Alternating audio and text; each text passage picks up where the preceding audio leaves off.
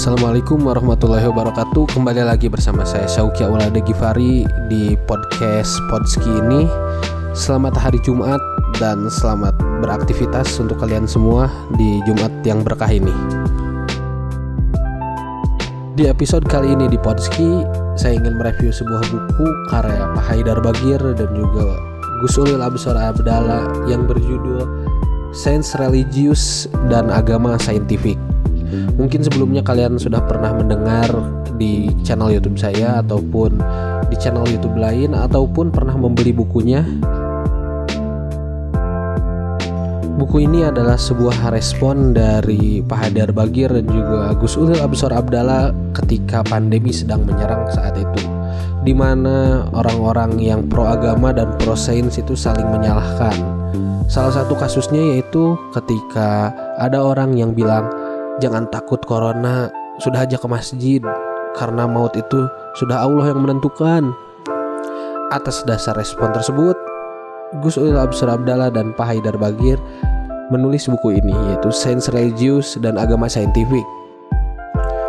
Sebelum memberikan tentang review buku ini, saya ingin bercerita sedikit tentang kedua tokoh yang menulis dari buku ini, yaitu mulai dari Pak Haidar Bagir yang sepengetahuan saya merupakan seorang tokoh yang mengagumi filsafat Islam. Jika kalian cari-cari biografinya, maka kalian akan ketemu beberapa karyanya yang bertemakan filsafat Islam juga tasawuf.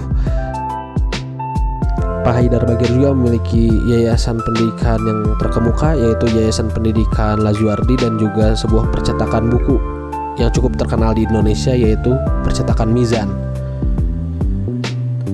beliau sangat menaruh minat terhadap filsafat juga sains. Sehingga dalam buku ini beliau menulis di bagian artikel sains yaitu di bagian artikel pertama. Yang selanjutnya adalah Gus Ulil Absar Abdallah. Beliau merupakan seorang cendikiawan muda NU tokoh jaringan Islam liberal juga seseorang yang memiliki tekad kuat terhadap kajian Islam klasik maupun modern. Latar pendidikannya yaitu beliau di pesantren pesantren NU kemudian melanjutkan S1 kalau gak salah di Libya yang kita tahu Libya itu merupakan sebuah universitas yang mungkin sangat kontekstualis. Dan uniknya beliau melanjutkannya di Amerika pasca sarjananya. Saya mengenal beliau dari kajian-kajian dan tulisan-tulisannya itu sejak mungkin baru-barulah 2015 ketika saya masuk jurusan tafsir dan belakangan ini Gus Ulil Absor Abdallah mengampu ngaji Ihya yang membahas tentang kitab Ihya Ulumuddin sebuah kitab fenomenal tasawuf karya Al-Ghazali. Beliau mengajinya di media online, di media sosial, di Facebook, di YouTube, dan juga di Spotify kalau nggak salah karena saya pernah menemukan channelnya di Spotify. Oke langsung saja kepada review buku ini Buku ini dari covernya berwarna biru sangat menarik bagi saya karena Mizan tuh nggak pernah gagal untuk bikin ilustrasi-ilustrasi cover. Dan ada judulnya dicetak besar Science Religious fontnya berwarna kuning dan agama saintifik yang berwarna biru. Di bawahnya lagi ada bacaan dua jalan mencari kebenaran. Di atasnya ada bacaan Haidar Bagir dan Ulil Absar Abdallah sebagai penulis. Lalu ada pengantar Ihsan Ali Fauzi untuk review isi di buku ini terbagi atas dua bagian di mana di bagian pertama ada Pak Haidar Bagir yang menulis tentang bagian sains dan juga Gus Ulil Absar Abdallah yang menulis di bagian agamanya. Maka dari itu buku ini berjudul Sains Religius dan Agama Saintifik yang maksudnya itu agama dan sains itu tidak bisa dipisahkan dan harus saling bersinergi untuk mencapai kemaslahatan ataupun menemukan kebenaran antara satu sama lain, bukan untuk dipertentangkan. Di sini saya ingin membahas satu poin yang menarik yaitu dari satu artikel yang ditulis Pak Haidar Bagir di bagian awal artikel pertama yaitu judulnya ekstremis agama sudah lumrah, ekstremis sains waduh. Pak Haidar Bagir dalam artikel ini berkata, sains itu mengandung kebenaran dan itu sudah pasti. Beliau mengatakan, sains banyak mengandung kebenaran, khususnya itu di alam empiris dan pragmatis. Meskipun begitu, Banyak pula ilmu-ilmu yang mengandung kebenaran karena di dunia ini kehidupan manusia jauh lebih luas dari alam empiris dan kebutuhan pragmatis.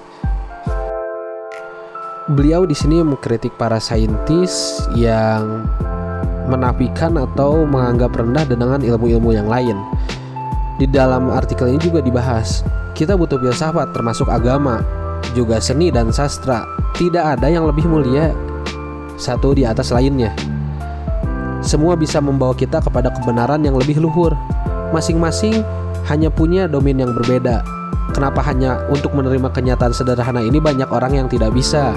Apalagi sebabnya kalau bukan kepongahan yang luar biasa. Beliau juga mengkritik Richard Dawkins yang Richard Dawkins yang mengkritik agama, kemudian Pak Haidar Bagir mengkritiknya kembali bahwa mengapa Anda menulis tentang agama tanpa sedikit pun memasukkan sumber-sumber keagamaan? itu penulisan yang tidak objektif dan atau penilaian yang tidak objektif menurut Pak Haidar Bagir.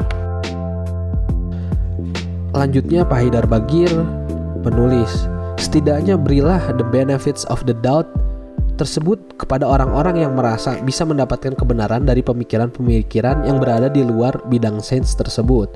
Bahkan Pak Haidar Bagir pun bertanya-tanya, sudah berapa banyak buku filsafat yang mereka baca? Juga filsafat agama, ataukah mereka hanya melontarkan ketidaksetujuan terhadap agama dengan menyerangnya terus-menerus? Jadi inti dari artikel yang pertama ini adalah kita sebagai seseorang harus menerima semua ilmu itu dengan rendah hati dan pemikiran terbuka. Jangan langsung menjudge bahwa ilmu saya yang paling benar dan ilmu kamu salah. Itu seorang yang mungkin tinggi hati dan sombong mungkin. Di buku ini dikritik orang-orang yang seperti itu. Beliau mengatakan bahwa orang yang seperti itu adalah seorang ekstremis tapi di bidang sains. Itulah sedikit dari isi tentang buku ini di mana saya kembali lagi menjelaskan bahwa di buku ini terdapat dua bagian di mana bagian pertama itu ditulis oleh Pak Haidar Bagir tentang sains dan juga di bagian kedua ada tentang keagamaan yang ditulis oleh Gus Ulil Amsur Abdallah. Bagian pertama berisi tentang 14 artikel dan bagian kedua berisi tentang 10 artikel.